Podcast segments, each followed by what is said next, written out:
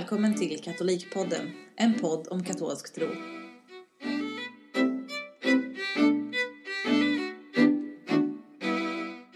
Hej och välkomna till dagens avsnitt av Katolikpodden. I förra avsnittet sände vi ju från Göteborg och eh, i dagens avsnitt har vi också ett reportage från Göteborg. Denna gång från Franciscusgården i Jonsered. Dit jag, Alex, åkte för att få vara med när broder Ludvig avlade sina eviga löften häromveckan. Bröderna på Franciscusgården tillhör franciskanorden eh, och broder Ludvig ska berätta lite mer om det senare. Men jag vill kort berätta om ordens grundare, den helige Franciscus. Franciscus föddes år 1181 eller 82, man är lite osäker på det, Eh, i Assisi i Italien. Eh, han föddes i en rik familj eh, och han dog år 1226. Och i sin ungdom så levde han ett bekymmerslöst liv med mycket utsvävningar och festande. Och han drömde om att bli riddare. Men han fick erfara Guds röst som kallade honom att istället följa honom. Och Franciscus som hade varit rädd för spetälska eh, började sköta om dessa sjuka människor och fann en stor glädje i det. Eh, I en syn kallade Gud honom till att bygga upp kyrkan. Eh, och Franciscus tog först detta bokstavligt och reparerade det fallfärdiga San Damiano-kapellet där, där han hade suttit och bett och fått denna syn. Där, därifrån också det klassiska San Damiano Korset, krucifixet, kommer som är ganska vanligt. Eh, men han förstod så småningom att hans uppdrag var större än att bygga upp detta kapell. Att han var kallad till att predika och verka för människors omvändelse. Och han gjorde detta hela sitt liv och levde ett liv i radikal fattigdom och med stor kärlek till Kristus, kyrkan och sina medmänniskor. Och så småningom anslöt sig fler till honom och de, de blev ett brödraskap. Och resten är som man säger historia. Jag tog tåget tidigt på morgonen från Stockholm ner till Göteborg. Och jag kom fram till Franciscusgården bara några minuter innan mässan skulle börja. Och kapellet på Franciscusgården var helt knökat och folk stod ända ute på trappan utanför kapellet. Eh, jag tittade in och lyckades hitta en ståplats inne i kyrkan. Haha, tänkte jag. Eh, men då insåg jag att jag hade hamnat mitt i kören. Och på Sant Franciscusgården maner så blev jag snabbt indragen i kören. Och sen började mässan.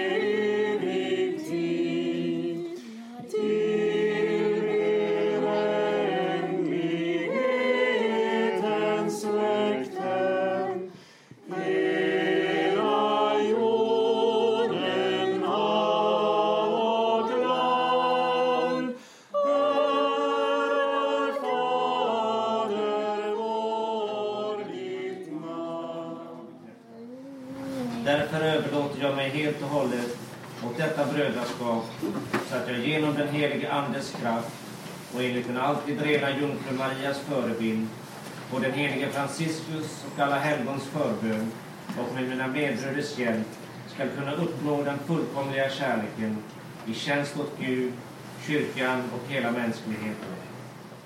Efter att broder Ludvig avlagt sina eviga löften och mässan var slut så fortsatte dagen med en stor fest i brödernas trädgård. Mat, dryck, massor av folk, kaffe, tårtor i stora lass och ett liveband.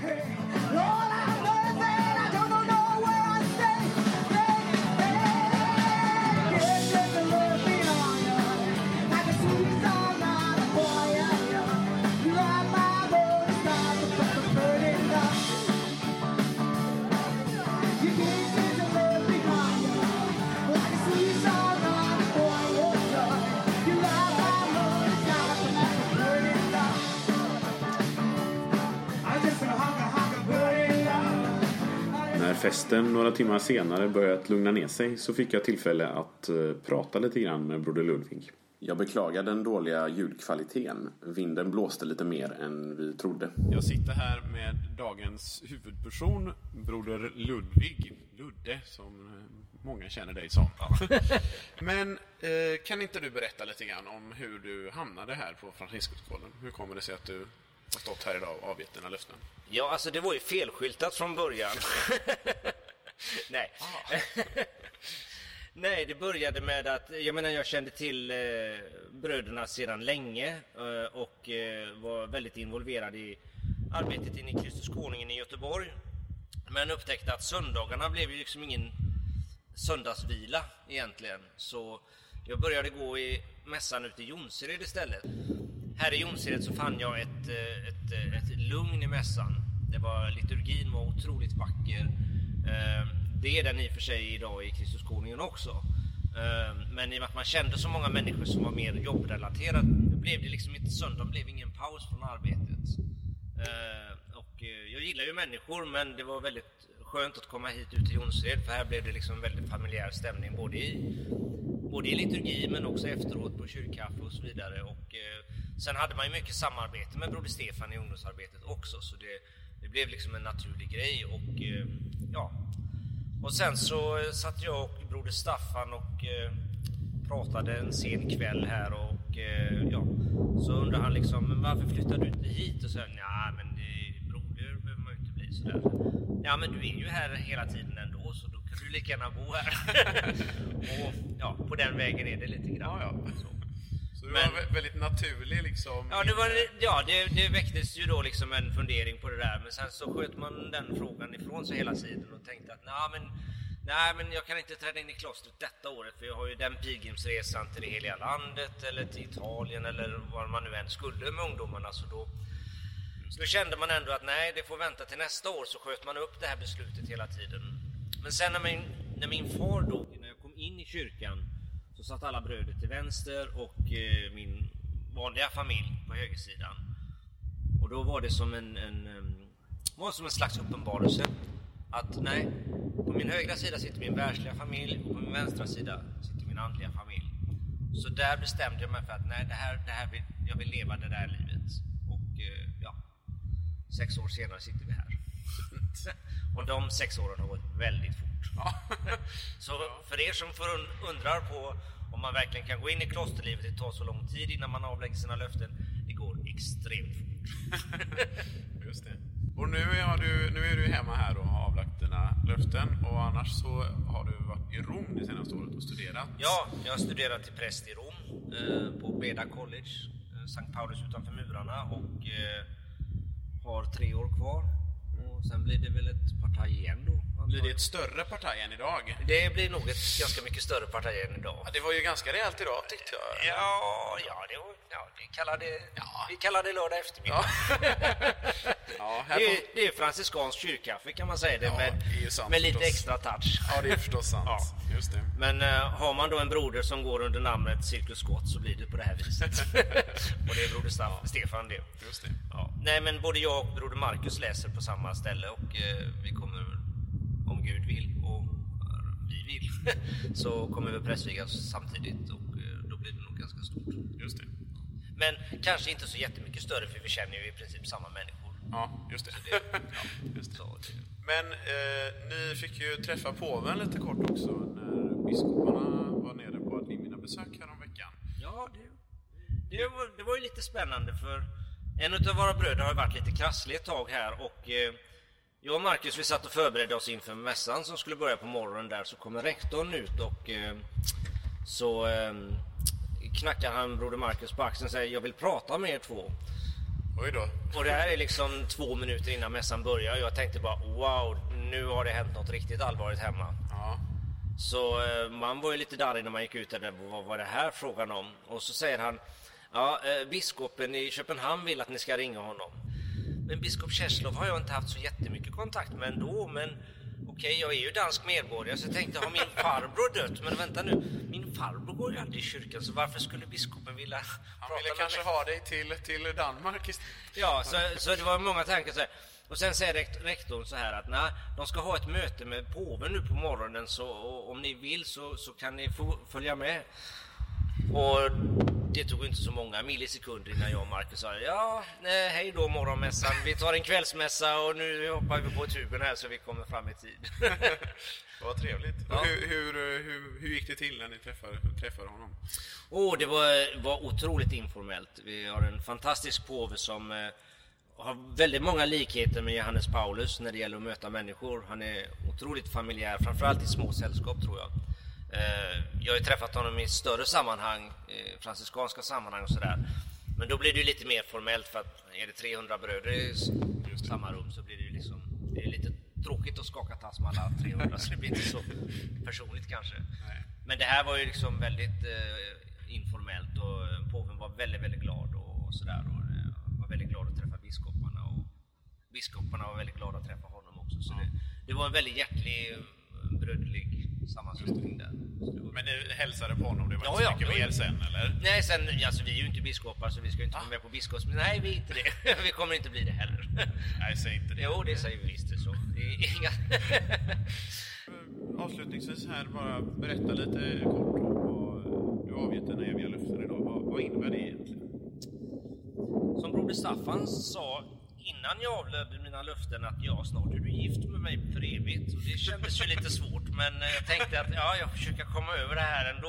Och eh, ja, eh, ja, lite kort så, så lovar jag då liksom att, att vara broder för resten av mitt liv och försöka följa då eh, de franciskanska levnadsreglerna och det, det är ju som de flesta bröder och munkar och nunnor också avlägger fattigdom, kyskhet och lydnad. Det är bara jesuiterna som har ett fjärde löfte där de lovar att vara lydig påven. Så hur Franciscus förhåller sig till det vet jag inte riktigt. Alltså den nuvarande påven. Ja. Han lovar lydnad till sig själv eller... Ja. Just det, det har jag aldrig tänkt på. Intressant. Ja, men det, det, det, får han fundera ut hur han gör. Så tycker jag att jag ska göra så här? Ja, det tycker jag att jag ska göra. Ja, då gör jag så här. jag vet inte, men okej. Okay. Något sånt där. Ja. Ehm, men... Ehm, men eh, man, som franciskan så lovar man ju inte att leva i, i ett hus ett specifikt hus. Man, man lovar att följa Franciscus regel och vad orden placerar den. Det är det som för en del människor kanske är skrämmande att imorgon så säger generalen att du ska till Filippinerna.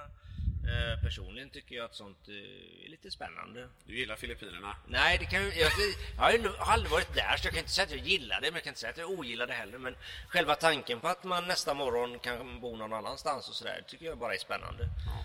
Eh, kanske lite tråkigt att skiljas från släkt och vänner för en stund och sådär men eh, det kommer att lösa sig ändå. Det, det gäller att följa Gud och, och vi tror att Gud eh, leder oss på den vägen och eh, även om inte våran general är detsamma som påven men eh, vi har lovat lydnad gentemot våran eh, orden men eh, ytterst så står vi alltid under påven eh, men också lokalt under biskopen. Om biskopen vill ha hjälp med någonting så försöker vi göra vårt yttersta för att kunna hjälpa honom. Men vår karisma är inte att driva församling utan vår karisma är att leva bland utstötta människor som Alexander Kegel och andra saker människor. ja, varsågod. Betyder det att jag får komma och bo här? Ja, du får komma och bo här. Men du får, du får kanske... ni komma och bo hos oss? Ja, det vet jag inte om din fru går med på. Men Så det kan bli lite trångt? Det kan bli lite trångt, ja. ja. Nej, men eh, vi, vi vill leva bland eh, folk som behöver hjälp och det, det ser väldigt olika ut i olika delar av världen. Så i, i, Sverige kanske inte det finns så många fattiga människor som det gör i Indien. Eh, eller personer som behöver ha hjälp med att driva universitet och skolor som man gör mycket i USA och sådär. Utan här är det mer inriktat på folk som kanske eh, mentalt mår dåligt eller har något drogberoende eller sitter i fängelse. Och just fängelsesjälavården är väl någonting som några av oss bröder i alla fall brinner för idag då. Och det, det kanske är det vi sysslar med. Och, eh, Stiftsprästerna hinner inte göra detta. Eh, och eh, vi tror att kanske är det vår nisch i framtiden att okay, det är det här vi ska göra, att försöka åka runt i fängelserna och hälsa på människor. Vi är inte där för att döma dem, inte där för att befria dem, vi är där för att vara med dem. Och det är liksom vår karisma. Vi vill inte döma någon människa, vi vill vara med människor som en familj och, och, eh, och, hjälpa dem i största mån vi kan genom att bara vara medmänniskor helt enkelt. Väldigt enkelt ibland väldigt svårt att göra. Ja. Men, ja. ja, då tackar jag så mycket och önskar dig allt gott oh, framöver. Tusen tack. Och Katolikpoddens vägnar. Ja, och hälsa till din Hulda hustru som lånade ut dig till denna dag. Ja, tack.